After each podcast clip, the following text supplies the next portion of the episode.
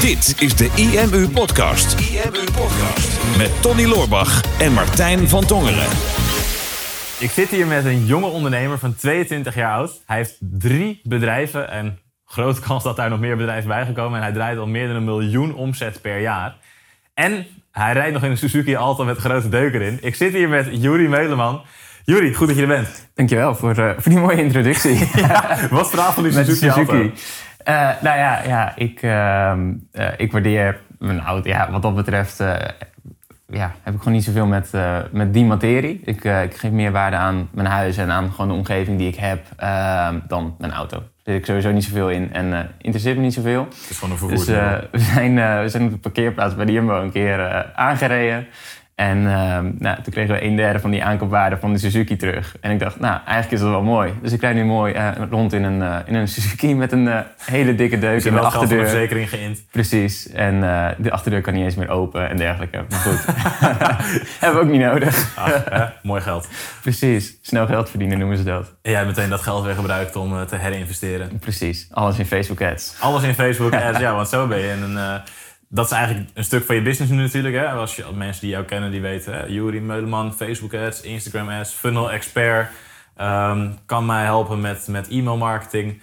Maar heel even een korte, korte terugblik. Ook niet te lang, want je hebt wel meer interviews gedaan waar dat lang over is gegaan. Maar je begon al toen je 12 was met je eerste webshop, volgens mij? Yes, klopt. Ja. Wat was de eerste, eerste uh, webshop die je startte? De eerste webwinkel was van alles.wiswinkel.nl. Mm -hmm. Dus uh, supermooi domeinnaam natuurlijk ook. Mooi. En dat was echt, uh, echt van alles. Dus van, van tweedehands producten die we, thuis, die we thuis hadden liggen, die ik dan online verkocht. Ehm, tot Donald Duckjes die ik via Marktplaats kocht en dan weer verkocht. Ehm, tot het beste model, businessmodel ooit. je had die 2 euro munten waar bij speciale gelegenheden wel eens een andere achterkant op staat. Mm. Nou, die verkocht ik dan voor 2,40 euro of iets dergelijks. Dus ik was iedere keer degene die, die alle 2 euro munten bij mijn moeder uit de portemonnee haalde. En uh, op de webshop dan voor meer verkocht dan de ja, echte waarde van, uh, van die munt. En gaf je dan die 2 euro wel daarna wel ja, terug aan je moeder? Nee, uiteraard. Ah, dat is netjes. nee, dat, uh, dat was vaak mijn zakgeld dan. Dus dat, dat verrekenen we op die manier. Ehm, maar ja, dat waren die munten bijvoorbeeld. En zo, dat is ja, uh, uitgegroeid naar uh, uh, uiteindelijk acht webshops. Ehm, de een iets succesvoller dan de ander. Mm. laten we zeggen dat de helft nooit een euro heeft opgeleverd. Maar nou, ze hadden ervaring van product zoeken en, en uiteindelijk gaan verkopen. en van tweedehands artikelen tot faillissementsveilingen tot inkopen in China. en dat weer doorverkopen. Nou, tof. Kan je, kan je een paar leuke voorbeelden noemen? Want ik weet iets van, je hebt iets met sporttassen gedaan. Je hebt iets met bikini-rages gedaan. Je hebt iets met die, die loom, loombandjes. En je hebt op een gegeven moment, heb je volgens mij een vrouw zelfs video's voor je laten maken en zo. Ja. Heb je een paar leuke, leuke cases um, om een beetje idee te krijgen? Nou ja, om uh, die faillissementspartijen bijvoorbeeld, dat, uh, dat was echt nog in het begin. Dus toen was ik, uh, was ik 14 denk ik, toen ik die faillissementspartijen ging opkopen. En nou, dat was, ik had alle spullen, dus ik sliep letterlijk tussen de, tussen de dozen. Alle spullen stonden op mijn slaapkamer. Mijn moeder die had inderdaad iets van, nou ja, uh, zou je niet eerst eens uh, alle spullen weer gaan verkopen voordat je weer nieuwe spullen in huis zou halen? Dus eigenlijk stond er een beetje een, een stop op het inkopen. Maar op dat moment kwam ik wel een, hele, een paar hele leuke faillissementspartijen tegen. waarvan ik wist dat mijn moeder het niet, niet oké zou vinden. Dus ik dacht, nou ja, prima, dan ga ik dat zelf maar regelen. Dus ik om, om negen uur s'avonds van, van Amersfoort naar Apeldoorn met de trein, vier sporttassen op mijn rug. Uh, om die faillissementspartij dan uiteindelijk op te halen. Uh, stiekem door het donker uh, alles weer meenemen naar, me, naar de slaapkamer. Om daar alles, alles uit te stallen. maar dat is, ja, om, het was op een industrieterrein. Dus dan loop je om negen uur s'avonds in het, in het pikke donker... met Als vier volle, volle sporttassen loop je ineens nou ja, buiten rond. Ik vraag me oprecht af wat mensen hebben gedacht. maar goed, dat, dat je is hij. twee lijken loopt die ja. ja, en uh, nee, die, um, je had op een gegeven moment een trend dat je van die elastiekjes, zeg maar, uh, nou, armbandjes kon maken en kettingjes kon maken. Uh, dat was het, het loomen. Um, ik had er helemaal niks mee, maar ik zag op een gegeven moment zag ik die aanbiedingen overal voorbij komen. Dus ik dacht, nou ja, ik ga eens kijken of we daar een online training van kunnen maken. Ik had nog nooit überhaupt zo'n elastiekje aangeraakt. En een vriendin van mij, haar buurmeisjes, die waren daar heel fanatiek mee bezig. Dus toen heb ik tegen hun op een gegeven moment gezegd... nou ja, wat nou als ik je 5 euro betaal... en je hoeft alleen maar uh, je pols te filmen... hoe jij die bloembandjes maakt en hoe dat dan uiteindelijk allemaal eruit ziet.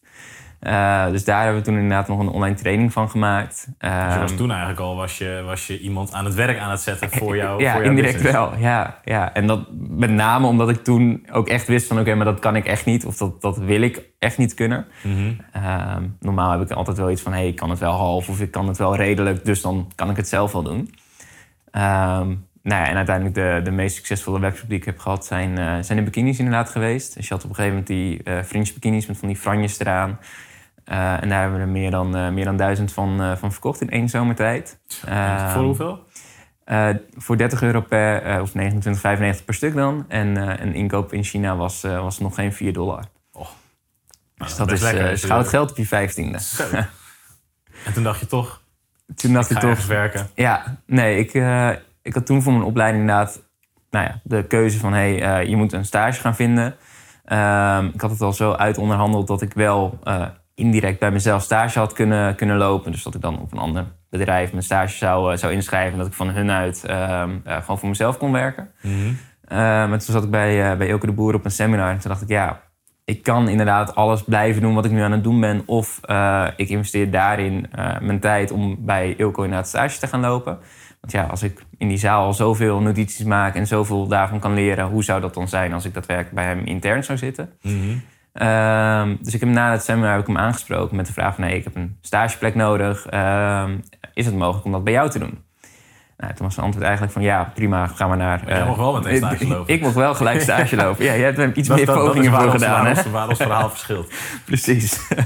nee, ik had geen sollicitatie gehad. En eh, het was van, nou, ga maar naar, eh, naar Jenny toen de tijd nog. Van, en eh, vraag me wanneer je langs kan komen. En eh, het sollici- sollicitatiegesprek was eigenlijk van... hey, je kan je stage hier komen lopen, het is allemaal goed. Maar wat moet je eigenlijk doen voor school? Eh, dus inderdaad, een iets ander proces dan dat jij hebt gehad. Eh, nou, en toen ben ik bij, eh, bij Ilke stage gaan lopen.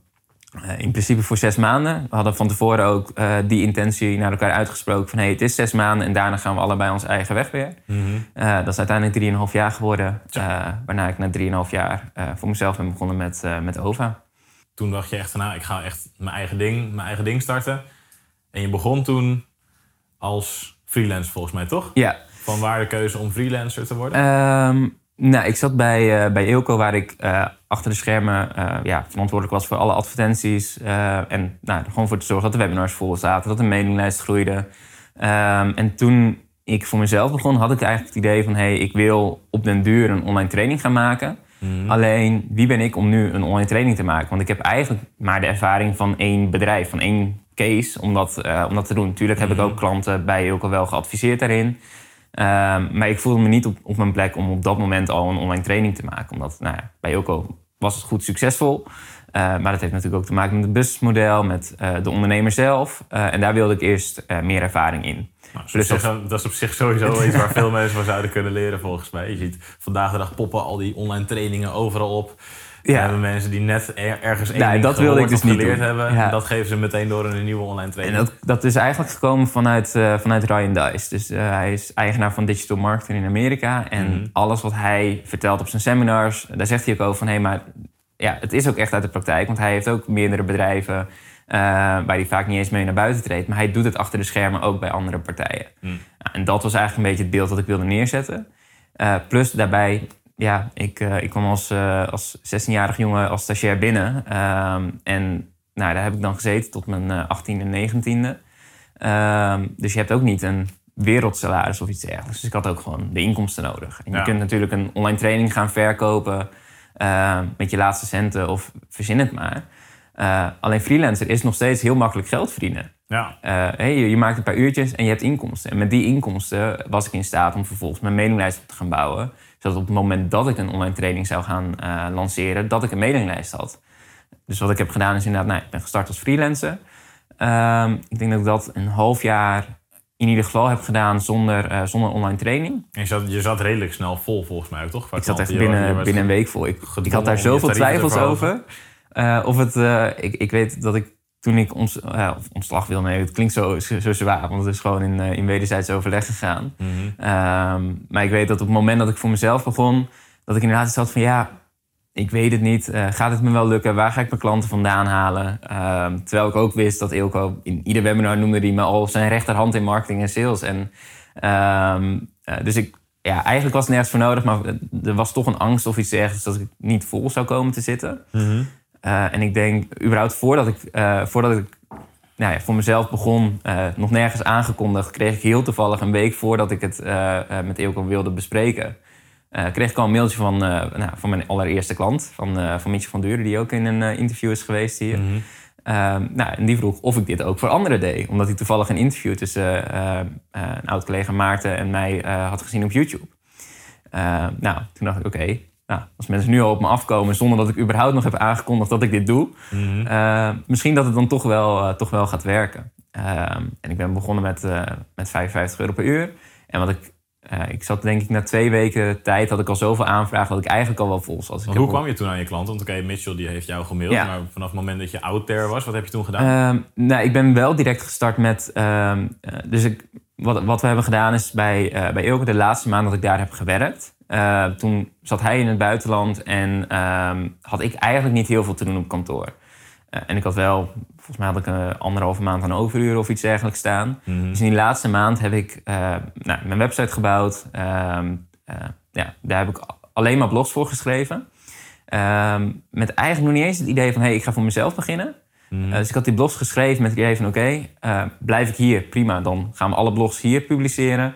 Begin ik voor mezelf, dan publiceer ik de blogs voor mezelf en dan zeg ik dat het mijn overuren waren. Dus je had gewoon een Word-document en... Uh, ja, dus ik had, uh, volgens mij had ik iets van, van 60 blogartikelen geschreven die maand. Lekker. volledig gefocust op blogartikelen. Ja. Ehm, ook met het idee van, oké, als ik voor mezelf begin... dan hoef ik het eerste jaar hoef ik me geen zorgen te maken over content. Over weet ik het wat, want dat staat. Dus ik kan me 100% focussen op, oké, ik moet gewoon een deal maken. Ik moet mijn klanten krijgen en dat moet lukken. Uh, hoe ik aan mijn eerste klanten ben gekomen. Uh, eigenlijk, ik ben altijd meegelopen bij, uh, bij Ilke met de latverhogers. Eh, wat zijn high-end coachingstraject was.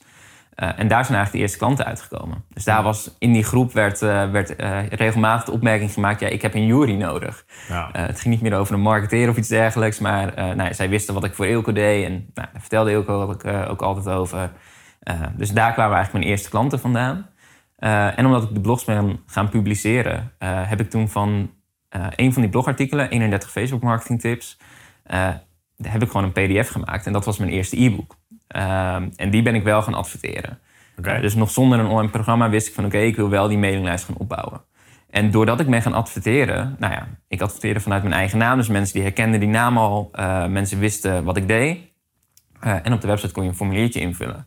En eigenlijk is alles super organisch gegaan. Of nou ja, wel betaald, dus niet helemaal organisch. Maar alles is, uh, uh, is echt gegroeid, zeg maar. Het is niet dat ik mezelf ooit uh, heb gepromoot als freelancer. Mm tot op de dag van vandaag nog niet echt. Ehm, dus nou ja, ik had gewoon een website, de blogs, e-book waarmee ik adverteerde. En eigenlijk die klanten die kwamen een beetje op me af. Nou, dat is voornamelijk door de, door de achtergrond gekomen natuurlijk. Mm maar ook gewoon daar te zijn. Dus ik adverteerde en uh, er kwamen ook hele nieuwe klanten die nog nooit van mij hadden gehoord, kwamen gewoon doordat ik zichtbaar was, ja. uh, kwamen die naar me toe. Dus gewoon door je kop boven het maaiveld uit te steken ja. eigenlijk. Right, en wanneer heb je de switch gemaakt om dan van freelancer naar online programma's te, te, te gaan? Um, ja, het, het, zat altijd wel in mijn hoofd om, um, uh, om die online programma's te gaan maken. Mm. eigenlijk is de switch gekomen door met een groepje ondernemers naar Tenerife te gaan. Mhm. Uh, en daar was het inderdaad van, ja, maar waarom ben je nog niet een, een online programma gestart? En dat was op dat moment, het grootste bezwaar was eigenlijk van, ja, maar ik heb ook een Facebook-programma met Ilko samengemaakt. En uh, als ik nu een eigen online programma maak, ja, botst dat dan niet? Uh, waarop zij eigenlijk iets hadden van, ja, maar goed, dit is gewoon wie jij bent, wat je doet. Ehm, dus misschien moet je daar dan een keer overheen stappen en het gewoon gaan doen. Mhm. dus toen heb ik uh, tijdens die trip heb ik een, een webinar geschreven en uh, een programma uh, op papier uit, uitgedacht. Mm -hmm. um, en toen heb ik het webinar heb ik ook al ingepland voor een maand later. dus ik had een meteen maand... die commitment gemaakt van oké, okay, ik, ga, okay, ik ga een programma maken. Ja. Ik weet ongeveer wat het programma gaat worden. Ik ga een webinar geven om het programma te verkopen. En ik ga hem voor mezelf inplannen, Ja. zodat die commitment helemaal staat. Ja, dus ik heb in, in het weekend inderdaad het webinar gemaakt. Ik heb commitment gemaakt wanneer ik het webinar zou gaan geven. En ik heb een ja, uh, soort woordspin gemaakt van oké, alles waar ik aan kon denken op het gebied van Facebook marketing. Ehm, alles uitgeschreven. Daarna ben ik het gaan onderverdelen in, uh, in vier categorieën. Dus wat is content marketing, wat is adverteren, wat is optimaliseren, wat is opschalen. Ehm, nou ja, op die manier in vier categorieën onderverdeeld. En uh, toen ik thuis kwam ben ik die video's gaan opnemen. Um, en, maar wel gewoon met, uh, met klanten erbij. Dus uh, dat is de periode geweest dat ik op een gegeven moment uh, rond 70 uur per week werkte. Mm. waarvan 60 uur voor klanten en 10 uur gewoon video's opnemen. Ja. Um, en op een gegeven moment was het oké, okay, ik doe een webinar, ik zie een aantal sales binnenkomen. En daardoor kon ik op een gegeven moment minder klanten gaan, gaan bedienen en meer video's weer opnemen, meer zichtbaar zijn, meer mijn eigen advertenties doen, meer met e-mail marketing bezig zijn. Waardoor, dus eigenlijk, wel, ja, ik kan het zien als een weegschaaltje. Ik zag hier de inkomsten stijgen met online programma's. Mhm. En vervolgens uh, het aantal uren voor klanten afnemen. Nou, je zegt wel de normaalste zaak van de wereld is... ja, ik maak 70 uur, 60 uur voor klanten, 10 uur even video's opnemen. Ik weet voor heel veel ondernemers is dat überhaupt al best wel een stap, hè? Van, oh, ik moet, ik moet video's opnemen. Maar dat was dan voor je online programma, neem ik aan? Ja, dus het waren echt schermvideo's. De, de inhoud uh, ja, van, het, dus, van het programma. ik was echt de... de wat dat betreft... Um, presentaties op school. Ik stond altijd achteraan. Ik noemde twee woorden. Zijn er nog vragen? Dat was mijn zinnetje altijd. Mhm. Ehm, dus daarin, ik ben absoluut niet iemand die super graag op video staat of iets dergelijks. Het is nu iets meer gegroeid. Uh, doordat mensen me ook hebben gevraagd, inderdaad als spreker op een event. En dat ik daar ineens sta. Dat ik denk, nou oké. Okay. Guilty. uh, maar dat, ja, daardoor uh, ben ik daarin een stuk zekerder geworden of iets dergelijks. Um, uh, doe ik het veel makkelijker. Hmm. Maar ik ben nog steeds niet de persoon die op Instagram allemaal video's aan het opnemen is. Of, of die op Facebook live gaat of weet ik het wat.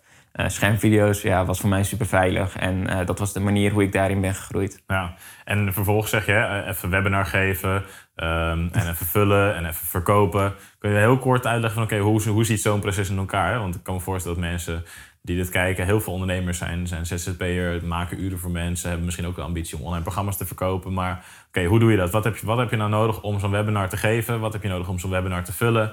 Hoe zorg je voor dat proces en hoe kan je dat snel doen? Want jij noemt het in, uh, in drie mm. zinnen. En je hebt het allemaal in een maand gedaan, het programma opgenomen, webinar gegeven, dingen verkocht, webinar gevuld, bezig met e-mailmarketing. Ja. Kan je in kort uitleggen wat die, wat die stappen zijn, zodat iemand dat misschien kan um, nadoen? Yes, ja, het begint natuurlijk met het, uh, met het webinar zelf creëren. Uh, ik denk dat dat het moeilijkste is. Om een mhm. goed webinar in elkaar te zetten. En ik was absoluut niet, geen commerciële tijger of weet ik het wat. maar ik heb inderdaad gewoon gekeken naar, oké, wat doen anderen?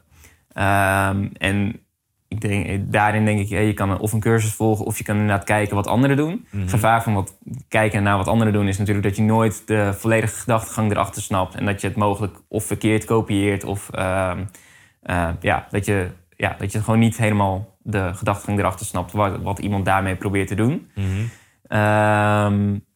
nou, ik heb inderdaad gewoon gekeken naar, oké, dit zijn drie webinars. Wat gebeurt er ongeveer? Vervolgens heb ik een, ehm, een training gevolgd van, uh, nou, van Ilke de Boer en uh, van Russell Brunson. Mhm. En daarmee, met dat idee in mijn, uh, in mijn hoofd, ben ik begonnen met het webinar te bouwen. Ja.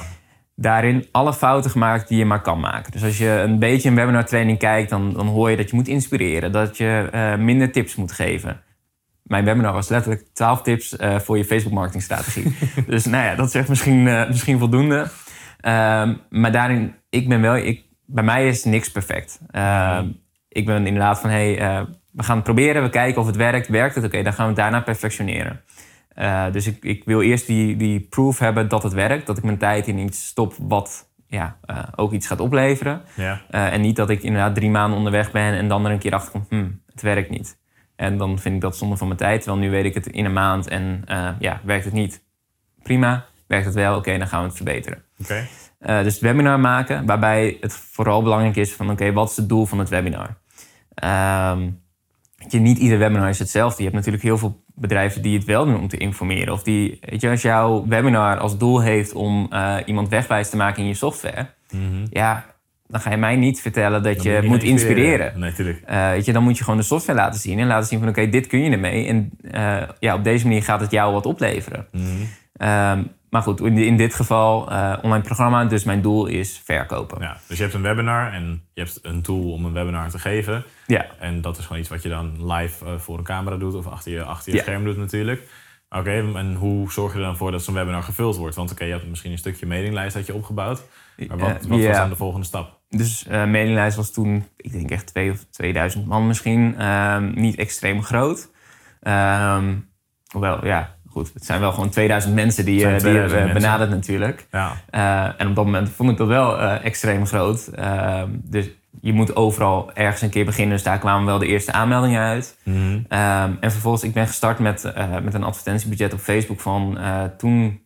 Dus mijn online programma was 250 euro. En mijn doel was niet zozeer om er winstgevend mee te zijn. Mijn doel was om break-even te draaien. Ehm, ik dacht, oké, ik ga met 500 euro adverteren en ik wilde twee sales uithalen. Dat was mijn enige doel. Nou ja, dus met Facebook advertenties en, ehm, eh, en de mailinglijst die ik intussen had opgebouwd.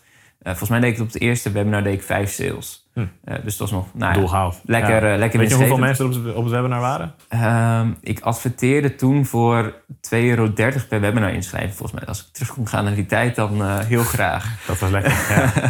Maar eh, ja, met eh 2,30 euro volgens mij wat ik adverteerde per deelnemer. Dus ik denk, nou, zeg dat er 300 mensen zich hadden aangemeld. En dat toen ook ongeveer 50% aanwezig was. Dus Check. 150 mensen Ja. live. En het aanmelden dat gaat dan gewoon via een formulier op je website. Ja, Vervolgens komen ze in het eh, webinar. Ja, dus toen was het. eh, eh, ik gebruikte toen GoToWebinar, omdat, nou ja, dat zag ik dat alle grote, eh, grote spelers in de markt dat gebruikten. Ehm, en later ben ik Demio gaan gebruiken. En toevallig eh, gisteren voor het eerst sinds, sinds de tijd weer een webinar gegeven. En dat was gewoon in Webinar Geek. Oh ja. Ja. Dus dat is ook de meest voordelige volgens mij die er op de markt is. Werkt prima. Ja, het is net wat je wil. Alright. Vooral, ja.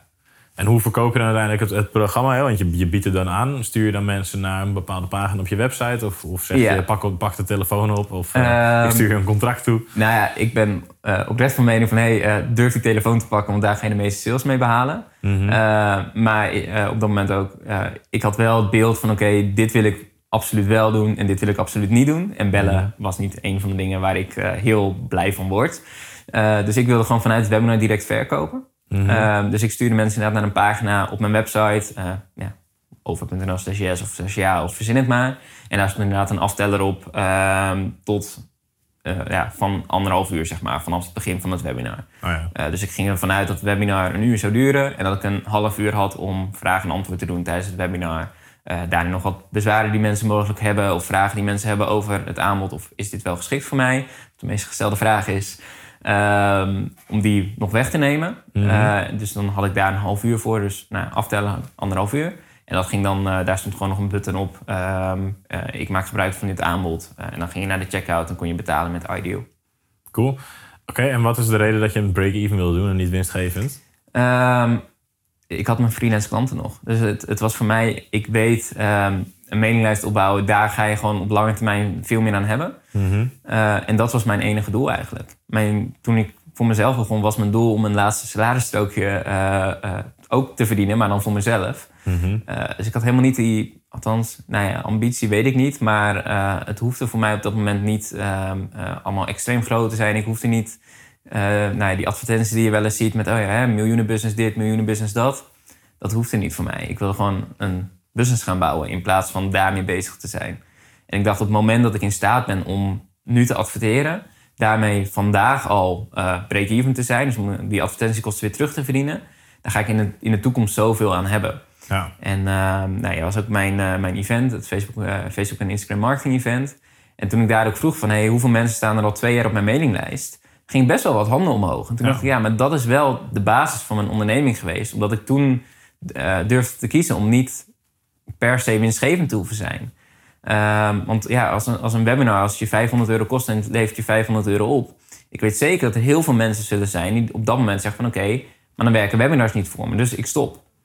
Terwijl, ja, uh, nou, ik zei ook al, ik heb 300 aanmeldingen gehad en vijf verkopen. Het zijn 295 mensen die ik in de toekomst, die wel een interesse hebben in Facebook marketing, maar op dat moment gewoon nog niet de juiste tijd was om te kopen. Ja. Uh, en daar heb ik in de toekomst heel veel aan gehad.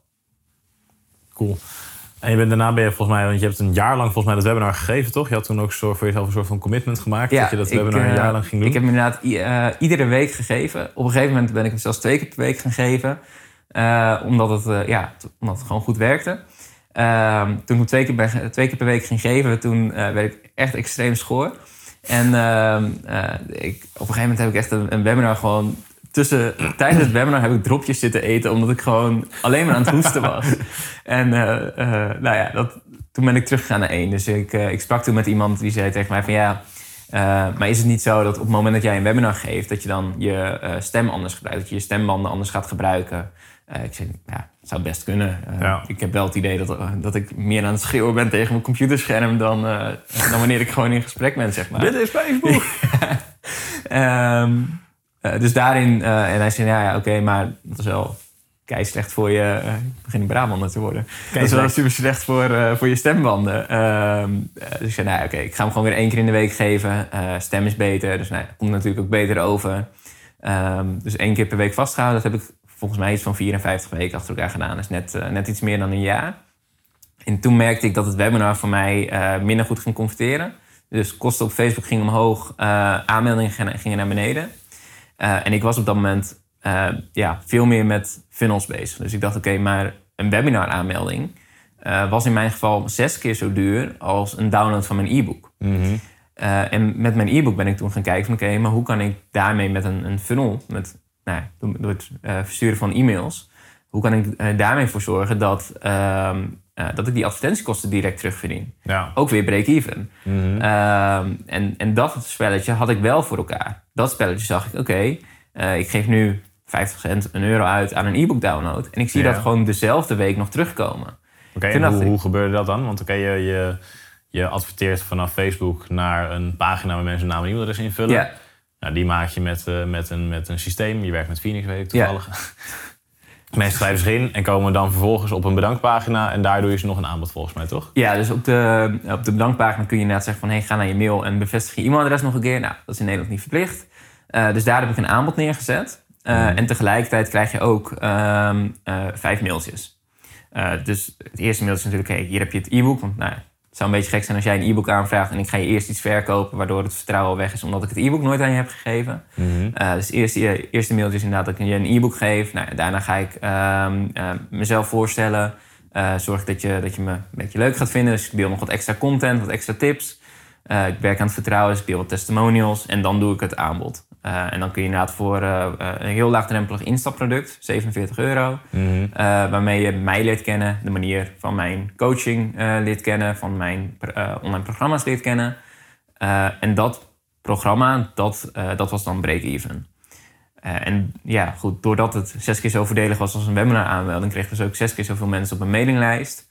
En dat spelletje, dat werkte heel goed voor me. En toen heb ik gezegd van oké, maar als dat goed voor me werkt, dan ga ik nu niet iedereen meer volgen die webinars geeft. Mm Natuurlijk, ik kan ook het webinar optimaliseren. En uh, alleen dat was niet, uh, ja, misschien is dat niet wie ik ben.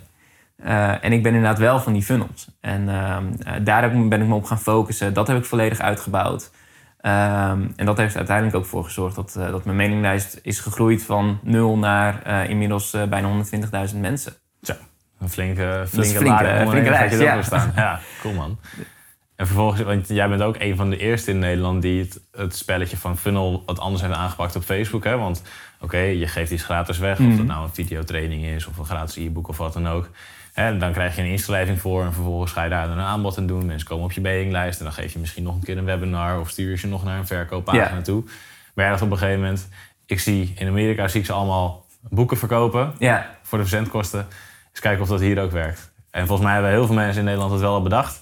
maar niemand heeft het nog gedaan. Nee, en, en dat was ook nog een afweging. Want uh, ik zag eigenlijk... Uh, uh, volgens mij waren er in die periode vier mensen eh, in mijn directe netwerk... die een boek lanceerden. En iedereen deed via managementboek. En iedereen kwam op één. En eigenlijk was dat, was dat mijn ego-dingetje van... oké, ja, maar dat wil ik ook. Dat, dat lijkt me heel vet om, om bij managementboek op één te komen, komen te staan... En um, dat was ook het idee. Alleen ja, toen kreeg ik... Um, uh, bij de drukker liep alles wat uit. Bij de vormgever liep alles wat uit. Uh, waardoor ineens het rondom mijn verjaardag was... dat ik mijn boek kon gaan lanceren. En, uh, en toen heb ik volgens mij echt in een, een week tijd... In de, in de laatste week van mijn vakantie heb ik besloten van... oké, ik ga hem niet verkopen via managementboek. Um, ik ga hem ook niet registreren als een echt boek. Mm -hmm. want nou ja, dan zit je met allemaal boekenwetgeving en dergelijke. Dus eigenlijk is het een stapeltje papier... Uh, wel mooi als een boek vormgegeven. Ehm, alleen je, ik ga hem gratis weggeven. Dus ik zag in Amerika, iedereen deed 7,95 uh, free plus shipping of 6,95 of 7,95, nou, zoiets. En dan kreeg je een boek gratis thuisgestuurd. En daar zat dan een uh, funnel achter. Ehm, dus even voor de duidelijkheid, ik heb het over een e-mail funnel gehad uh, in de break-even funnel. En, maar een funnel is eigenlijk een, een trechter. Hè? Dus hoe, ga je, hoe breng je van iemand van punt A naar punt Z? Ja. Uh, dus als ik het over de boekfunnel heb, dan is het van oké, hoe krijg ik een bezoeker? En wat is uiteindelijk de aankoop? Ja. En daar hoeven niet eens per se mailtjes in voor te komen. Mhm. uh, dus wat ik heb gedaan is oké, het boek geef ik gratis weg voor 7,95. Uh, dus dat zijn dan de verzendkosten. En vervolgens uh, nou, gebruik ik uh, Plug Pay waarmee ik die uh, kassakoopjes kan, kan integreren. Mhm. En die kassakoopjes, 10% van de mensen die mijn boek kocht, kocht ook het kassakoopje.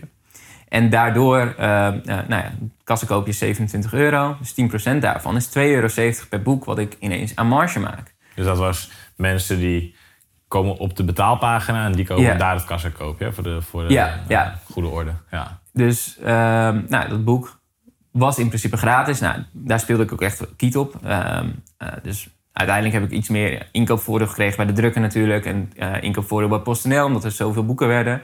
Eh, dus nu maak ik ook iets, iets marge op het boek. Mhm. Ehm, maar toen was het echt, nou ja, echt break-even. ja. Maar door dat kassakoopje verdiende ik ineens 2,70 euro per boek. En, kom, en nou ja, als ik tegen jou zeg, hey, je kan een boek gratis krijgen, je betaalt alleen de verzendkosten. Ja, een gratis iets blijft toch Hollanders. Dat is toch, eh, toch een mooi iets. Dat is winnen. Eh, Ja.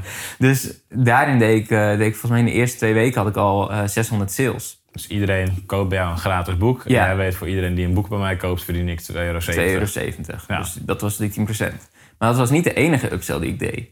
Ehm, vervolgens had je het boek gekocht. Eh, en in het begin heb ik hem ehm, eh, zelf ben ik hem gaan versturen. Dus samen met mijn vriendin hebben we alles, eh, alle boeken ingepakt. En die zijn we dan, kwam PostNL aan de deur. Nou, en die konden we versturen. Ehm, dus dat deed ik maar één keer in de week. Wat eigenlijk direct een supermooi, eh supermooie upsell was. Want ik kon tegen iedereen zeggen... oké, maar de leeftijd is vijf werkdagen. Maar je hebt aangegeven interesse te hebben in een boek. Doe mij maar klanten. Dus waarschijnlijk wil je meer klanten. Ja. Ik wil niet dat je hoeft te wachten om daarmee te beginnen. Dus ik heb nog een online programma. En dat was dan weer mijn 47 euro programma uit de break-even funnel. En wat ik vervolgens zag was oké... 10% van de mensen die het boek kocht... die kocht eerst het kassenkoopje. Maar een andere 10% die kocht ook nog weer het tweede programma. Dus dat was 4,70 euro. Zo. Eh, dus in, in- nu is het, oké, ieder boek wat ik verkoop, waar ik niks op verdien, verdien ik nu ineens ehm eh, nou ja, z- 7,40 euro mee. Nou, en dat is ineens, eh, dat is ineens top, want nou ja, 600 boeken, nou, dat is ineens eh, een leuke, eh, mooie lancering. Dus bij elke duizend boeken die je verkocht, eh, verkocht je 100 keer het kassakoopje. Ja. Dus 27 euro. Dus eh 27 euro. 2700 euro. en daarna Ja. ook nog eens die 4700 euro. En dat is natuurlijk allebei gewoon 100% marge. Ja, ja, Dus ineens maak je, maak je drie keer zoveel winst precies. dan, ja. eh, dan daarvoor. En eh, nu kon ik, de- dus op dat moment ehm, eh, deed ik ook veel samen met Simone Levy. En Simone Levy, nou, die wilde het boek ook wel gaan promoten. Ehm, nou, dat was omdat we veel samen deden. Maar toen kwam ik ineens met het idee van... oké, maar wat nou als ik partners zou gaan betalen... om, ehm, eh, om mijn boek te gaan promoten? Nou, dan zag je inderdaad dat kleinere mailinglijsten waren... dat het toch iets minder makkelijk ging. eh, omdat ja, mensen op mijn mailinglijst, die kenden mij natuurlijk. Maar stel je voor dat ik eh, aan een partner zou zeggen... oké, voor ieder gratis boek wat jij weggeeft... krijg je nog eens 5 euro. Want ik Ja. weet dat ik daar 7,40 euro aan verdien. Dan heb je het ineens, nou ja, ja, dan heb je ineens een mooie strategie. En datzelfde deed ik met Facebook. Dus ik ben het gratis boek ook gaan adverteren op Facebook. Ehm, en zeker in het begin betaalde ik 1,80 euro per boekensale. Terwijl ik daar dus 7,40 euro aan verdiende. Eh, super winstgevende funnel al. Ja. Ehm, nou ja, en dat uiteindelijk nu, eh, nu zit ik tussen de, tussen de 6 en de 15 euro per boekensale. Maar, dus nu zou het verliesgevend zijn, maar die funnel is verder uitgebouwd. Ik werk inmiddels samen met, eh, met Salespassie. Ehm, nou, die bellen, iedere, iedere boekenaankoop bellen ze die na. Om vervolgens eh, mijn online training weer te verkopen. En ehm, nou, daar closen ze nu ehm, dus gemiddeld van iedere, iedere boek wat ik verkoop.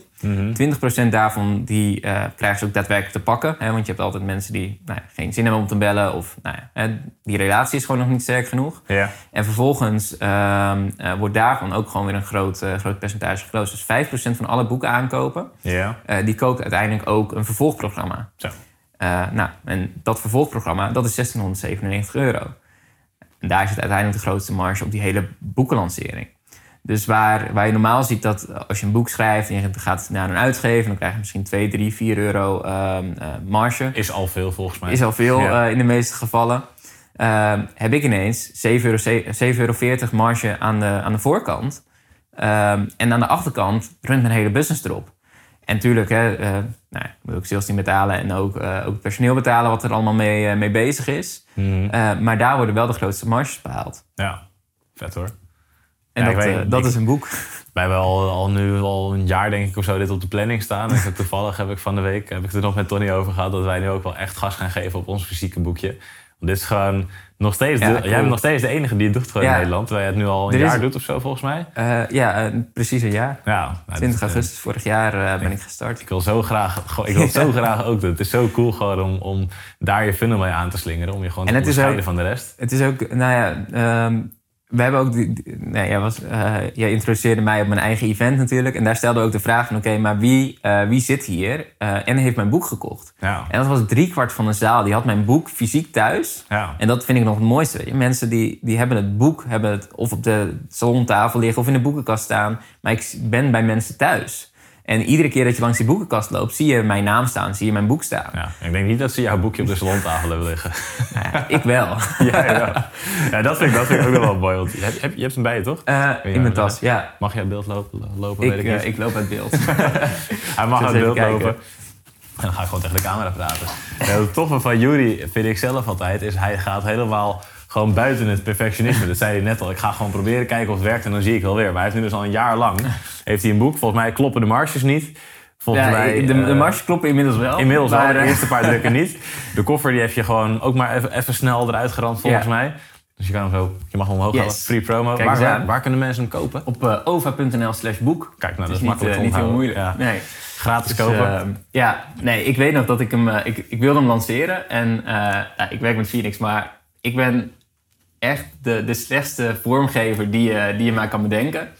En eh, zelfs, ik ben zelfs in staat om het, om het Phoenix-model eh bij wijze van te slopen. Dus eh, ook als ik een pagina bouw in Phoenix, dat moet je mij gewoon niet laten doen. Dus ik, ik stuurde Martijn een appje toen ik, ja, toen ik bezig was met het boek om de promo te gaan maken. En ik zei, ja, ik wil die foto, wil ik net zoals jullie op die pagina hebben. Maar ik krijg het niet voor elkaar. En ehm, nou ja, dus ik, ik die foto naar Martijn doorgestuurd. Hij zei, ja, maar zou je dit überhaupt wel op die manier gaan lanceren? En eh, nou ja, ja, goed. Wat dat betreft ben ik dan wel iets, iemand van, hé, hey, ja, maar het staat. En ik heb hem gepland op mijn verjaardag. Dus het gaat ook gebeuren op mijn verjaardag. Eh, maakt niet uit wat er voor nodig is. Ja, dat was niet, het was niet het mooiste plaatje. Het was niet het mooiste. Dat was, joh, dat was ook het plaatje tot, met... wacht even eh, tot het boek afgedrukt is. Ga gewoon even met de foto op het boek. Het plaatje was inderdaad met de druklijnen er nog op. Daar kreeg ik later inderdaad nog een op. Had ik niet gezien, maar goed. Eh, ik had gewoon de, eh, ja, het pdf zeg maar, van, eh, van het boek gekregen. En de cover en dergelijke, die, die had ik.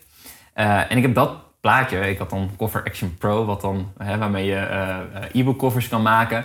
Dus ik denk, nou, die voorkant, die zet ik gewoon in die Cover Action Pro. En dan heb ik een, eh, heb ik een boekje. Mhm. Het bleek dus inderdaad dat er nog eh, van die eh, druklijnen en streepjes en dergelijke gewoon in de, in de cover stonden. Ja. En nou, dat, die staat er volgens mij nog steeds op die pagina, want hij converteert gewoon goed. Ja, want dat, dat, dat is mooi. Je hebt die pagina online gezet. En ja, als, als, als ik hem zou maken, of als veel andere vrienden zouden maken, zou hij Ja. waarschijnlijk net iets strakker eruit zien. Ja, Maar het mooie is, het werkt gewoon wel. Weet je, Ja, je hebt het online gezet, het converteert.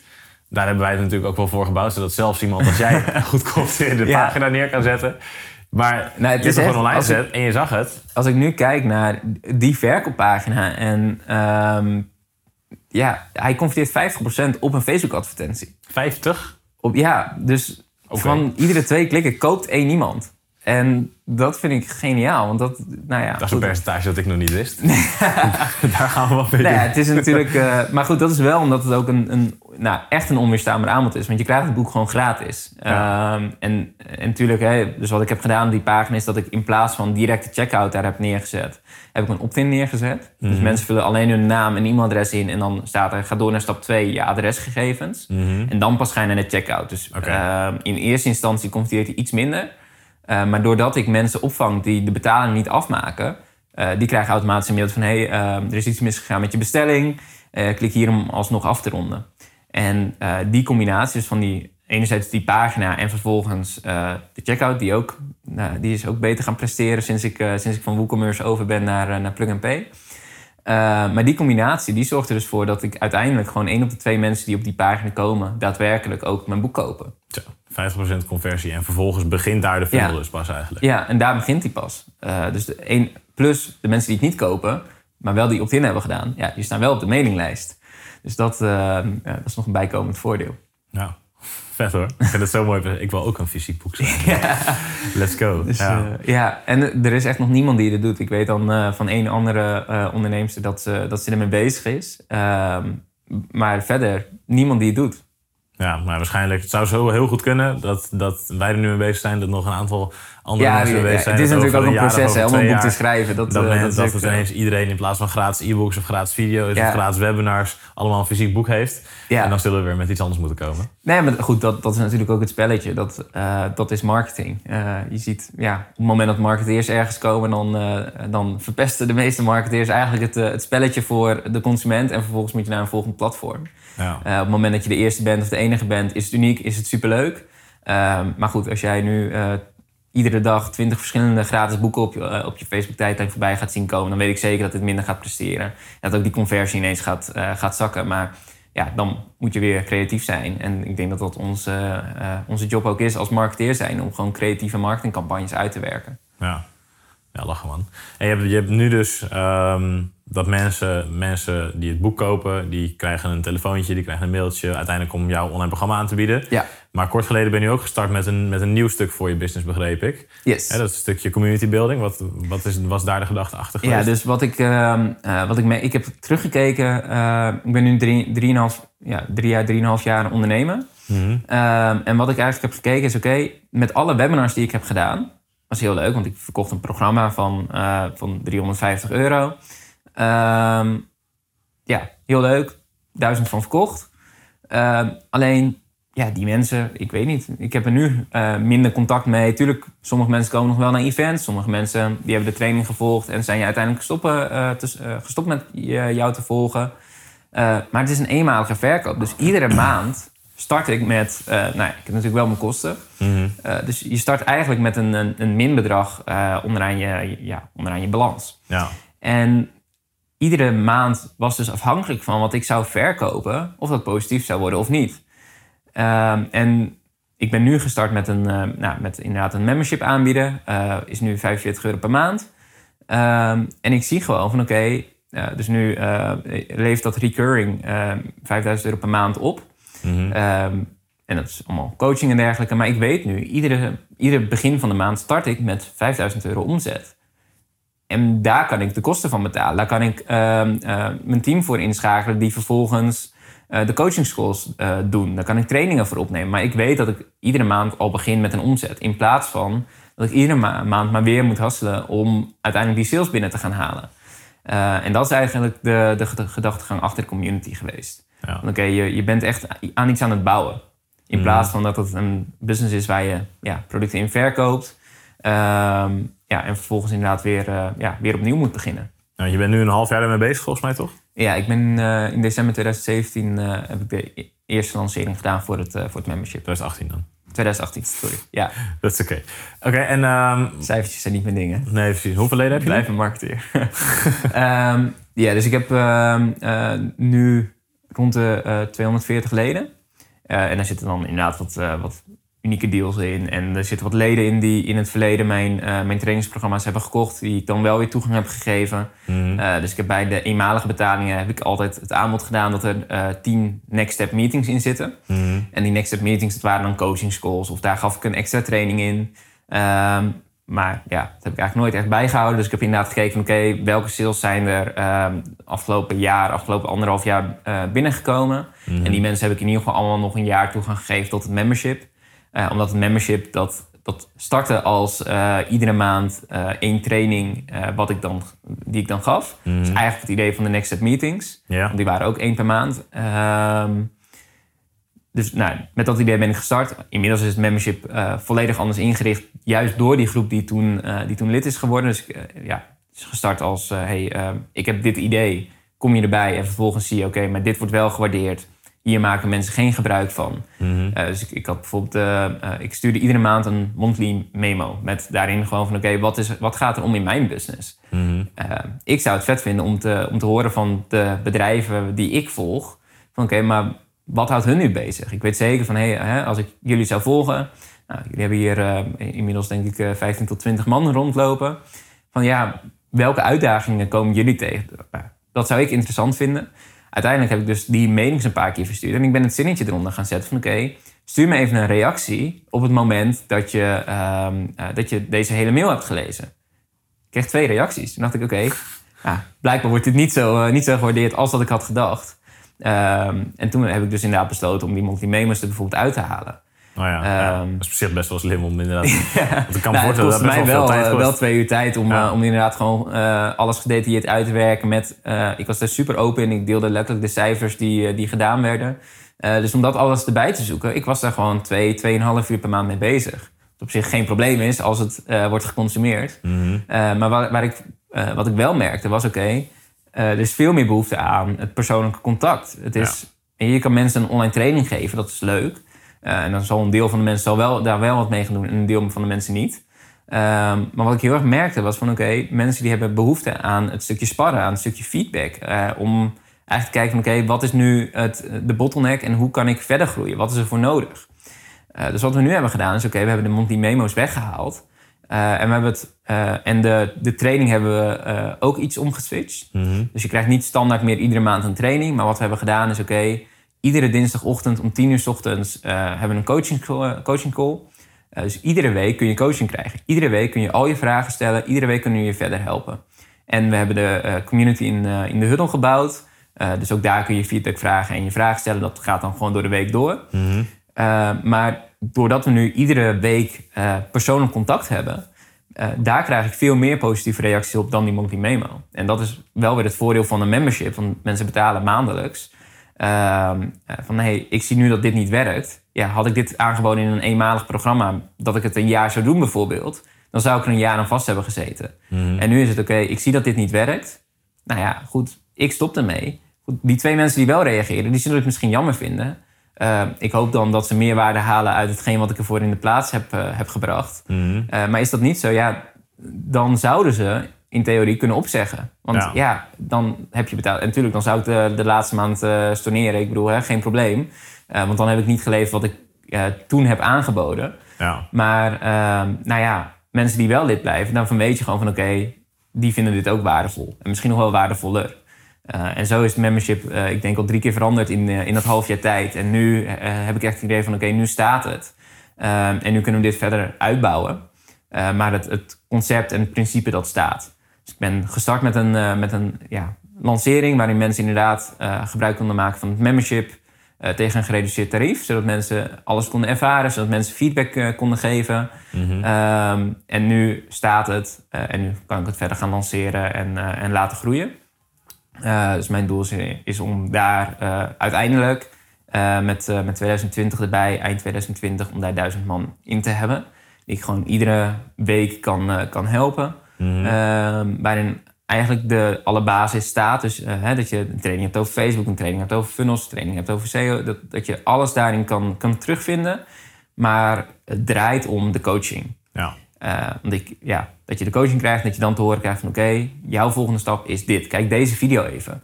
Want ik weet zeker dat dat beter werkt dan iemand gewoon toegang geeft tot 400 video's en zoek het maar uit. Ja. Uh, dus die coaching, dat, dat, is uiteindelijk waar het om draait in het, uh, in het programma. Vet. Alright. En je hebt jarenlang een Facebookgroep gehad natuurlijk. Ja. En ik heb, ik heb volgens mij ook jarenlang tegen jou gezegd van gast, stop nou met die Facebookgroep. Wat ja. heeft er uiteindelijk voor gezorgd dat je nu naar Huddle, uh, Huddle bent gegaan? Um, ja, ik heb een hele tijd. Uh, uh, nou, ik ben begonnen met een Facebookgroep. Toen uh, ik merkte dat ik daar. Ik ben niet, niet de persoon die daar standaard actief in is. Dus de, de Facebookgroep heb ik na een jaar. Want nou, toen heb ik wel aangeboden dat je een jaar toegang krijgt tot de community. Ehm, dus ik, ik heb dat, dat een jaar volgehouden. En uh, toen de Facebookgroep in principe al gesloten. Mm -hmm. En nu met het. Dus ik heb altijd een beetje ik wist niet zo goed wat ik als membership zou willen doen. Want ik heb inderdaad al wel uh, regelmatig met jou er ook over gehad van... hey, ik vind het wel super interessant om dat re recurring in mijn business te gaan bouwen. Maar ja, ik weet niet wat ik moet gaan delen iedere maand. Of ik weet niet wat ik, wat ik moet gaan doen. Ehm, en daardoor ben ik nooit echt een, een membership gestart. Ehm, nou, en op een gegeven moment had ik het idee van... oké, maar nu heb ik een beeld van wat ik wel kan aanbieden. En ik, het voelde ook goed. En het tarief voelt ook goed. En ehm, het is niet dat ik iedere week nu een video over Facebook hoef, hoef, op te nemen. Want het is eerder in een online programma dat mensen te veel, te veel video's, te veel waarde krijgen. Waardoor ze juist overweldigd raken en niet weten waar ze moeten beginnen. Dan dat ze te weinig waarde krijgen. Mm maar nu heb ik echt een concept waarvan ik denk van oké, maar dit werkt. Toen voelde een membership ineens ook goed.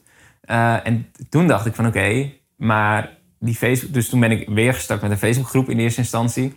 Uh, maar alles ging door elkaar en uh, was geen overzicht, reacties. Ja, je kan wel een beetje scrollen, maar je weet niet waar je eigenlijk bent gebleven. Ehm, dus ik merkte gewoon dat dat niet het, het format was hoe ik het wilde doen. Uh, plus dat ik op dat moment zat met mijn oude ledenomgeving, die gewoon, nou ja, dat zag er niet uit. Uh, dus het, het, was eigenlijk een combinatie van en de Facebookgroep die niet goed, die, niet echt die me niet lekker zat, en de oude ledenomgeving die, uh, ja, waar ik gewoon niet tevreden over was, waarin, waar ik bijna met tegenzin ehm, nieuwe leden in kreeg. Dus ik had zeker de, de maanden voordat ik overstapte naar de Huddle, ehm, zat ik daar en iedere sale dacht ik, ja, moet ik hem niet uithalen en zeggen dat we met een nieuwe groep starten over een paar maanden. Uh, dus nou, dat, ik vond het echt moeilijk om dat nog te verkopen. Uh, nou, en dat, die reacties die kwamen uiteindelijk ook terug. Van, hè, uh, er staat super waardevolle content in, maar ik ben de weg gewoon kwijt. Ja, ehm, en ik weet niet meer waar ik ben gebleven. En ehm, eh, nou ja, dus toen ben ik, ik heb vier platformen ben ik gaan, gaan bekijken van oké, wat kan ik nu als beste gaan gebruiken? Um, en eigenlijk, ja, toen kwam ik bij de Huddle uit vanwege de community, maar ook vanwege uh, gewoon de trainingsvideo's. Uh, dat je je progress zeg maar, kan, uh, kan meten. Um, en gewoon alle bijlagen. Dus je kan pdf's erbij zetten. Nou, video. Dus het ziet er gewoon goed uit. Het is, het is makkelijk in gebruik. Dus mensen weten waar ze zijn. Mensen weten hoe ze er moeten komen. Plus dat je ook de community inderdaad weer kan afschermen voor bepaalde levels. Um, dus ik heb inderdaad, nou ja, iedereen die in het verleden een trainingsprogramma van mij heeft gekocht, bijvoorbeeld het jaarprogramma, ja, dat is 47 euro. Dus daar kan ik heel moeilijk uh, lifetime support bij gaan leveren. Mm. Nou, dus nu heb ik inderdaad verschil gemaakt. Dus oké, mensen die het jaarprogramma hebben en mensen die uh, een dure programma hebben. Want mensen met een dure programma die krijgen inderdaad de support erbij en de coaching schools en alles erbij wat, uh, wat ik ze nou ja, heb beloofd. Um, dus nou, dat kon ik mooi afschermen. Um, dus je hebt nu leden die allemaal op hetzelfde niveau denken en werken. Die zitten in dezelfde community. En, want het zou ook gek zijn dat als jij de, uh, het jaarprogramma hebt over Facebook.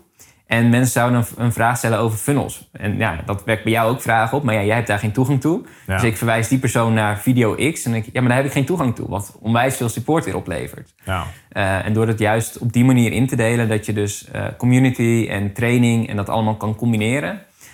nou, dat levert nu echt onwijs positieve reacties op. Ehm, in Facebookgroepen vond ik het altijd moeilijk om mensen actief te houden, maar ook om uh, resultaten te laten delen. Mm dus in de Facebookgroep merkte je vaak dat mensen mij tagden van hey, ik heb een vraag. Uh, ja, prima. alleen het, het met de Huddle heb je veel meer een format daarvoor. En dus ik, nou, ik heb jullie een klein beetje gekopieerd. Dus wij hebben nu ook een, een bord met vier, vier succes. Mm en we starten iedere coaching school nu met oké, deel even je successen. Wat heb je de afgelopen week gedaan? Hoe klein ook. Maar deel je successen. Je ziet gewoon dat, dat daar superveel interactie op is. Mensen vinden het geweldig om ook andere, andermans successen te zien. Uh, stellen daar vragen over, leren daar onwijs veel van. Um, en het, het wordt echt een, een hechte groep. Terwijl met Facebook had ik altijd het idee dat het een beetje losse vlodders waren. En dat ja, mensen stellen vragen, ik geef antwoord, oké, volgende. Um, en nu zie je mensen zoeken terug, dus het scheelt support. Um, engagement is veel hoger en je kunt veel leukere dingen doen. Uh, dus je hebt uh, nou ja, inderdaad van, hey, welke mensen zijn nu het meest actief. Mm nou, daar kunnen we allemaal weer leuke dingen mee doen. Kunnen we een bosje bloemen sturen, kunnen we een keertje uitnodigen. Um, ja, dus daar kunnen we allemaal, uh, allemaal mooie dingen mee doen. Vet. Doe je die coaching calls allemaal zelf nu? Of heb, heb je daar um, iemand voor, uh, voor Nee, dus ik heb, uh, ik heb nu iemand die de coaching calls zelf doet. Mm -hmm. um, en dat wisselen we af en toe af. Dus okay. de ene keer zal ik het nog doen, de andere keer doet Marlou het. Dus Marlou zit nu in het, in het team die die, die coaching calls geeft. Um, maar ik heb natuurlijk ook mijn andere bedrijven nog. Dus ik heb ook uh, Mailblue en Sky Amsterdam. Mm -hmm. uh, Mailblue e-mail marketing software, Sky Amsterdam marketing agency. Um, en vanuit Sky Amsterdam hebben we bijvoorbeeld ook um, uh, Sarah wel eens gehad. Dat is een oud medewerker bij Facebook. eh, die dan een sessie puur over Facebook doet. En eh, nou, we zullen in de toekomst ook vanuit Mailblue zullen we nou, Nena die daar werkzaam is vragen of zij bijvoorbeeld een sessie over funnels kan gaan doen. Oh ja. en ik zal zelf over mijn business, maar ook over nou, Facebook, e-mail. Dus dat zal ik zelf ook blijven doen. de eerstvolgende, we huren ook af en toe een gastspreker in. Dus nu hebben we Arjana, die gaat over het vertellen van je, van je verhaal. hoe breng je dat naar buiten? Mhm. Nou, die nou, betalen dan om een sessie te organiseren in, in die coaching school. Ik zal zelf volgende maand uh, over alle tools die ik gebruik een, uh, een sessie gaan doen. Dus hoe automatiseer je nu je administratie? En, uh, het zijn niet de meest sexy topics. Maar het is wel belangrijk voor een ondernemer. Ja. Het scheelt je zoveel tijd. Ehm, ik ken ook ondernemers die inderdaad urenlang bezig zijn met hun administratie. Terwijl ik weet, ja, mijn administratie kost mij nou, misschien een keertje twee uurtjes in de maand. Omdat alles is geautomatiseerd. Um, ja, dus dat, uh, nou, daar komt de sessie van. Dus zo hebben we uh, regelmatig een coaching sessie met een speciaal topic. Mm -hmm. uh, en de andere coaching sessies zijn gewoon ja, vraag en antwoord. Maar dan kunnen we wel meekijken. Of laten we mensen cases insturen. Dus je kan, je, je kan ons toevoegen aan je advertentieaccount op Facebook. En dan kijken we mee. Wat is ons advies? En ik merk dat dat de sessies zijn waar je meer van leert dan vanuit een Facebook training. Ja. Want ik kan je uitleggen hoe een, hoe een Facebook advertentie in elkaar zit. En dan ga je daarmee aan de slag. Uh, dan zeg je, oké, okay, ik moet een headline hebben. En dan hier mensen willen toch echt zien van, oké, okay, hoe moet ik het ja, op en, mijn specifieke case en je toepassen? interpreteert het vaak anders. Ja. ja want als ik denk, een headline, oké, okay, dan schrijf ik nu een headline. Mm -hmm. Oké, maar in mijn beleving is dit een goede headline.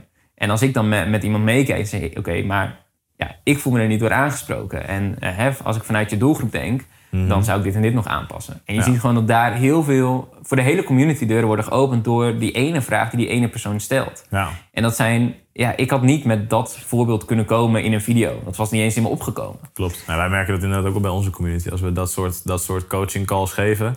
Dat wanneer mensen dan een pagina Ja. delen, bijvoorbeeld op de inpagina, volledig volgens de regels, hè, zoals wij Mhm. het hebben aangeleverd, inderdaad. Maar dan, ja, als de headline al niet prikkelend genoeg is, dan kan Ja. nog de hele pagina volgens de regels zijn. Maar dan- dan loop je gewoon Ja, conversies dat, mis. vaak ben je als ondernemer gewoon heel gepassioneerd over jouw business. Het is hetzelfde als dat ik... Nou, wij zouden heel makkelijk over funnels praten. Mhm. Terwijl ik zeker weet dat de kapper hier op de hoek geen idee heeft wat een funnel is.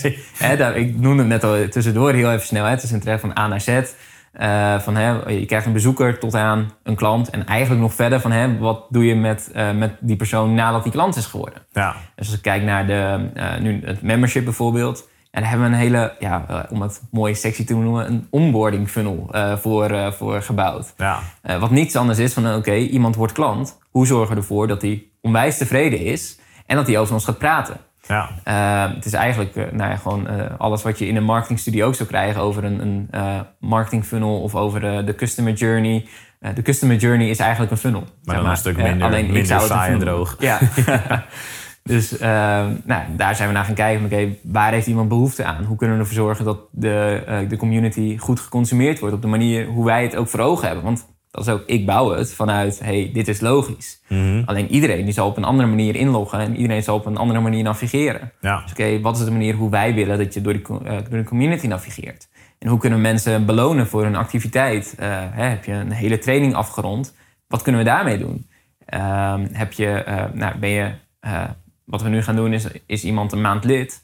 Krijgt hij nog een mooi pakketje thuis met ehm, eh, nou, een voucher voor Mailblue.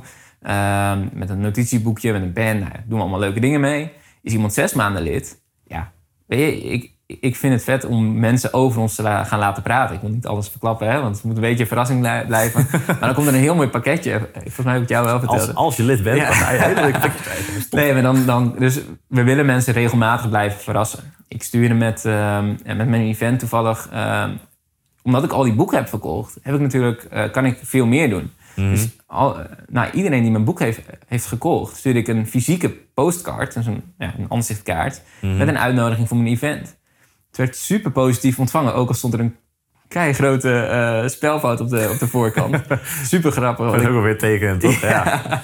nou, ik heb dus, ik ging googlen naar gewoon een, een kaart met eh, save the date. Het was, we hebben het met een F geschreven in plaats van met een V. Oeps. Super stom. Dus. maar, ehm, dus ik heb de tekst op de achterkant heb ik laten redigeren. Maar omdat dit gewoon een, een... Dus ik heb een kaart van Google gepakt. Ik zit tegen mijn vormgever. Ik zei, oké, ik wil zo'n soort kaart. Ja, dus die heeft gewoon de voorkant. Althans, die heeft de kaart ehm, eh, gemaakt in mijn huisstijl, in mijn, hè, hoe ik het wilde hebben. Die heeft de tekst op de voorkant. En dat was één zinnetje. Save the date. Love it. En eh, dat is het enige zinnetje wat ik niet heb laten redigeren. En daar stond dan zo'n grote spelfout in. Maar dat is dus een... een ja, die hebben we van Google gehaald.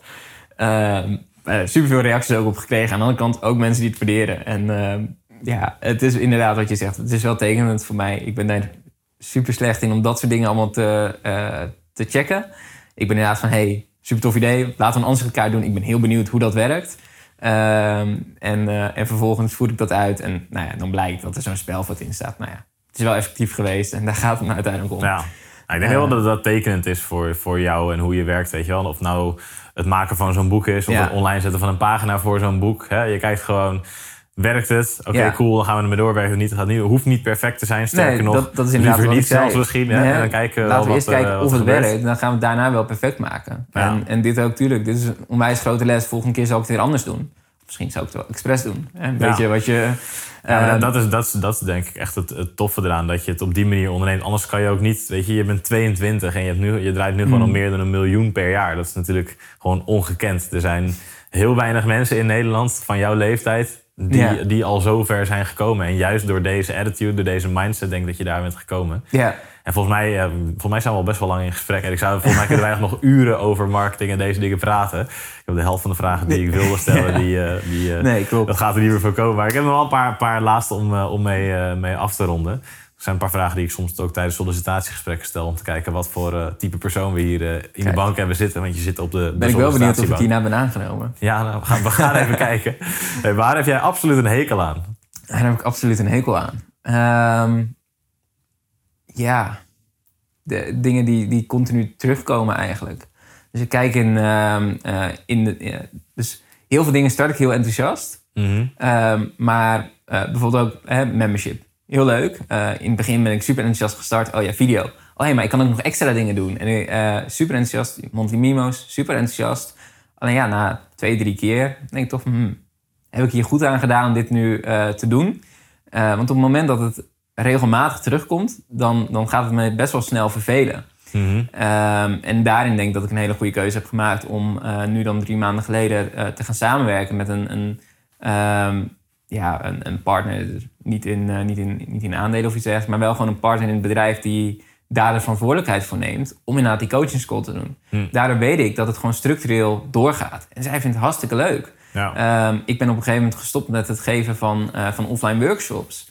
Eh, terwijl dat supergoed liep. Het staat standaard vol. Ik hoefde bijna niet, geen marketing ervoor, ervoor te doen. Ehm, en het liep supergoed. Alleen, ja, vind ik heel leuk om één keer per maand te doen. Eh, maar het werd ieder weekend. En toen begon het me op een gegeven moment te veel, eh, te, veel te kosten. Eh zelfs een support. Ik vind het hartstikke prima hoor. Ik bedoel, is, een, is een supportmedewerker een keer ziek, dan val ik in en helemaal goed. Vind ik hartstikke leuk om te doen. Hè? En dan zie je gelijk ook wat wat voor support er binnenkomt. En leer je ook onwijs veel van. Alleen moet ik iedere dag support doen. Nou, daar ga ik geen energie van krijgen. Dus wat, wat ik kijk in mijn business is oké van... Hey, is het terugkerend? Dan zoek ik altijd iemand om dat, om het op te lossen. Of je haalt het weg, of je automatiseert Ja. het. Ja. En is er iets buiten de business om waar je echt een hekel aan hebt? Ehm, eh, ja, eh, heel sorry. Ja, schoonmaken. Schoonmaken, Telt ja. dat? Ja, telt zeker. Ja, ik heb er ook een gruwelijke hekel aan.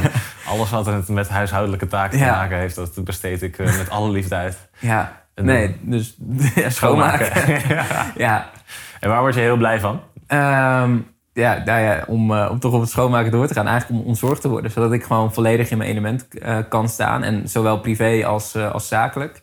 Ehm, eh, ook met, nou ja, ik heb in ehm, oktober vorig jaar een huisje gekocht. En nou, toen bood mijn moeder als eerste aan van... hey, kom, dan, dan gaan we het samen schilderen en dit en dit. Ja, leuk. Ik was eh, anderhalf uur bezig en ik denk, waar ben ik aan begonnen? Eh, maar ja, dan kun je het ook niet meer maken om dan, eh, om dan af te haken. Want ja, Ja, want het is het is mijn moeder moeder. was de schoonhuiswaarder. Dus ja, wat, dan kun je moeilijk zelf weglopen, zeg maar. Ja. Terwijl in het vervolg zou ik dat inderdaad... Ja, dan, dan ben ik inderdaad van... Hey, laten we dan een, een schilder inhuren. Ehm, en niet omdat het decadent is of weet ik het wat. Maar omdat ik gewoon in die uren... Als ik die in mijn business zou stoppen... Mhm. dan zou ik veel meer verdienen dan, dan dat die schilder me zou kosten. Eh, en dan waarschijnlijk doe ik haal nog iets wat ik leuk energie vind ook. Eh, dus nou, dat is een beetje de dus ontzorgen. Eh, en wat vind ik verder leuk? Ik vind het echt heerlijk om gewoon aan de, aan de business te werken. Eh, ik hou van wandelen. Vind ik onwijs leuk. Of, ja, geeft, geeft veel rust. Ehm, en, en terrassen. Cool. En uh, waar, uh, waar zie je jezelf over vijf jaar? Je hebt nu dan drie bedrijven. Over, ja. daar hebben we het nu voornamelijk over gehad. En dus Mailblue, de online marketing uh, BV. Of de e-mail marketing BV. En Sky, waarmee je eigenlijk wat je vroeger in je eentje als freelancer ja. deed... waar je nu een team voor hebt zitten. Waar sta je over vijf jaar? Ehm, ja, dus ik, ehm, ik, ik, wil echt kijken naar... oké, wat is mijn aandeel in het bedrijf? Wat kan ik nou echt leveren? En ik denk dat dat voornamelijk het, het nou, misschien nog niet eens echt het opstarten is. Mhm. Maar vooral het, het opschalen. Uh, ja, vooral het opschalen. Uh, dus als ik kijk naar, naar een Sky bijvoorbeeld, dan zie ik dat inderdaad van oké, okay, ehm, ik ben nodig om het team te trainen. Mhm. Ik ben nodig om, nou ja, we kunnen mijn mailinglijst gebruiken om uh, uh, ja, daar meer klanten voor te krijgen. Ik kan mijn uh, blog, mijn, nou ja, dus alles online pre presence kan ik gebruiken. Mijn talks, mijn spreeksessies. Dat kan ik allemaal inzetten om dat bedrijf te laten groeien. Alleen ik ben niet de manager. Dus uiteindelijk zou iemand anders ehm, eh, het bedrijf gaan runnen. Mm dat zie je bij, uh, bij Mailblue bijvoorbeeld nu al heel mooi gebeuren. Dat, uh, in het begin was ik daar vijf dagen in de week op kantoor aanwezig. Ehm, nu nou ja, heb ik mij, daar heb ik dan een partner in zitten. Ehm, dus die partner, die is echt de manager. Die is iedere dag op kantoor aanwezig. We hebben daar nu twee man personeel en over een maand start een derde. Ehm, maar hij is de manager en het personeel verwacht niet van mij dat ik daar op kantoor ben. Die weten ook dat ik nog twee andere bedrijven heb. Mhm. Ehm, en ze weten waarvoor, waarvoor, ze mij kunnen inzetten. Dus daar ben ik aanwezig bij uh, gewoon, nou ja, de management meetings, zeg maar, de cijfers doornemen, wat, uh, wat gaan we doen. En bij de marketing meetings. Uh, maar verder ben ik daar in principe niet. Mm -hmm. uh, maar het is wel een bedrijf wat ik heb laten groeien vanuit uh, OVA, wat eigenlijk mijn, ja, nou ja, goed, daar ben ik dan gewoon 100% eigenaar van. Ja. dus OVA is mijn, mijn thuisbasis. Mooie term van Tony volgens mij. maar waar ben je over vijf jaar? ja. nou, dat ik dat dus veel meer doe. Ik denk dat ik ehm, juist veel meer, of veel meer, een aantal bedrijven om me heen heb die het maximale uit, uit mij weten te halen. Mm -hmm. dat ik in, inderdaad in mijn element word gezet. Um, en uh, nou ja, dus dat ik die bedrijven gewoon lekker, lekker laat draaien. Dat, de, dat daar een manager op zit. Um, en dat het vanuit mij uh, doorgroeit. Mm -hmm. um, ja, dus ik, ik zie mezelf gewoon de bedrijven bouwen. En verder nog andere, andere doelen? Extra huizen? Extra toch, huizen. toch een andere auto? Toch een andere auto, mogelijk.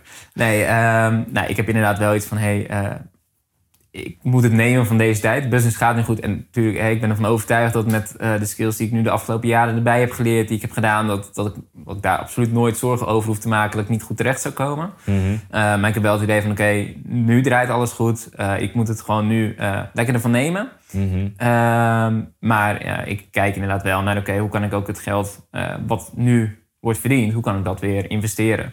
Uh, dus ik ben inderdaad wel aan het kijken naar, uh, naar vastgoed, uh, zowel als in kantoorpanden als van woningen. Van hey, wat is daarin mogelijk en hoe kan ik dat het beste opzetten? Ehm, dus nou, daar zou ik inderdaad in gaan. En nou, daarvan weet je wel hey, even heel zwart-wit gedacht. Als ik drie, drie pandjes zou kopen, dan, ben ik altijd, dan heb je altijd een um, model, modaal salaris in Nederland. Dus wat er dan ook gebeurt, nou ja, dat is, uh, dat is dan prima. Dus nou, dat zou een beetje zijn waar ik naartoe zou willen. Uh, zodat alles wat ik doe uiteindelijk is dat ik het kan doen, maar niet moet doen. Ja. Dus dat, uh, daar wil ik naartoe. En andere autootjes zal ongetwijfeld nog een keer komen. maar goed, ja, dat is. ik vind dat, dat een auto vind ik echt een, dat vind ik echt een slechte investering. Kijk, natuurlijk, als je iedere dag op de weg bent, dan kan ik het me voorstellen. Want ongetwijfeld dat die Suzuki niet het beste is voor je rug. Ongetwijfeld dat die Suzuki niet uh, het meeste uh, comfort biedt. Uh, maar ja, ik ben bijna nooit op de weg. En dan vind ik het echt zonde om uh, een mooie auto te, te hebben... waar je 1000 euro per maand op afschrijft... en dan een verzekering erbij, wegenbelasting, weet ik het wat... Um, terwijl die Suzuki, verzekering is 25 euro per maand, de wegenbelasting is 20 euro per maand.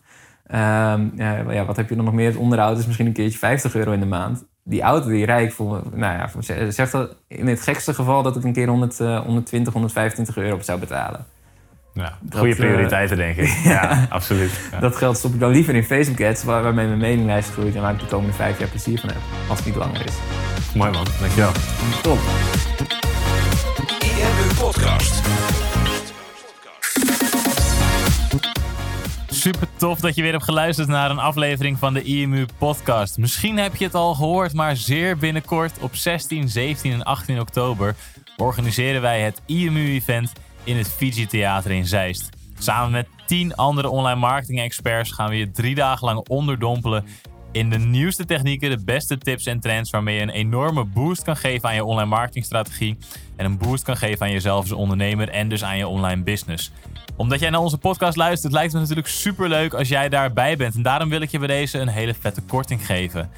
Op imu.nl slash event kan je zien dat kaartjes voor het IMU-event 750 euro zijn. Nou, als je dat omrekent, drie dagen, eigenlijk is dat natuurlijk al een dikke no-brainer. Maar omdat je naar deze podcast luistert, wil ik je daar nog eens 250 euro extra korting bij geven. Dus wat je kan doen als je naar imu.nl slash event gaat, is daar de kortingscode podcast gebruiken. En je zal zien dat er dan 250 euro van je kaartje afgaat. Wil je nou met andere bevriende ondernemers komen, dan kan dat natuurlijk ook. En die korting wordt natuurlijk ook verrekend als je meerdere tickets bestelt. En sterker nog, we hebben er een staffelkorting opgezet. Dus hoe meer tickets je bestelt, hoe meer korting je krijgt. Als het iets voor je is, hoop ik je daar natuurlijk te zien. Dus imu.nl slash event. En zo niet, ook even goede vrienden natuurlijk, hoop ik je weer bij de volgende podcast aflevering te mogen verwelkomen. Voor nu nog een hele fijne dag of een hele fijne avond. Doei doei!